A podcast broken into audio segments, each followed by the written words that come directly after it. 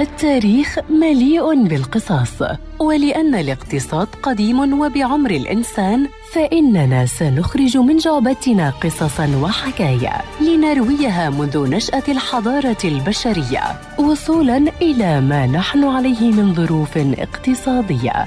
في بودكاست تاريخ الاقتصاد مع المدون الاقتصادي مجد النوري عبر إذاعة أجيال ومنصاتها المختلفة.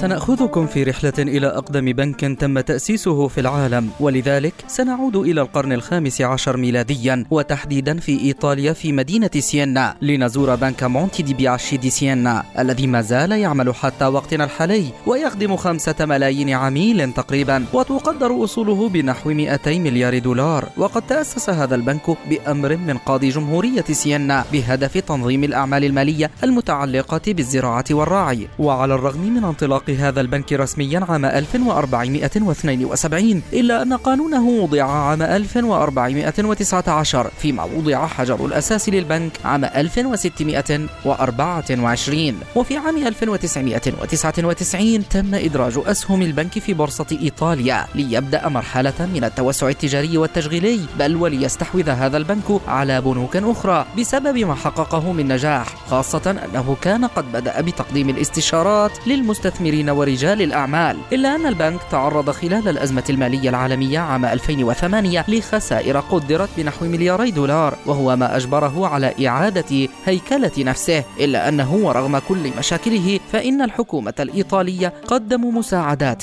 للحيلولة دون انهيار هذا البنك العريق.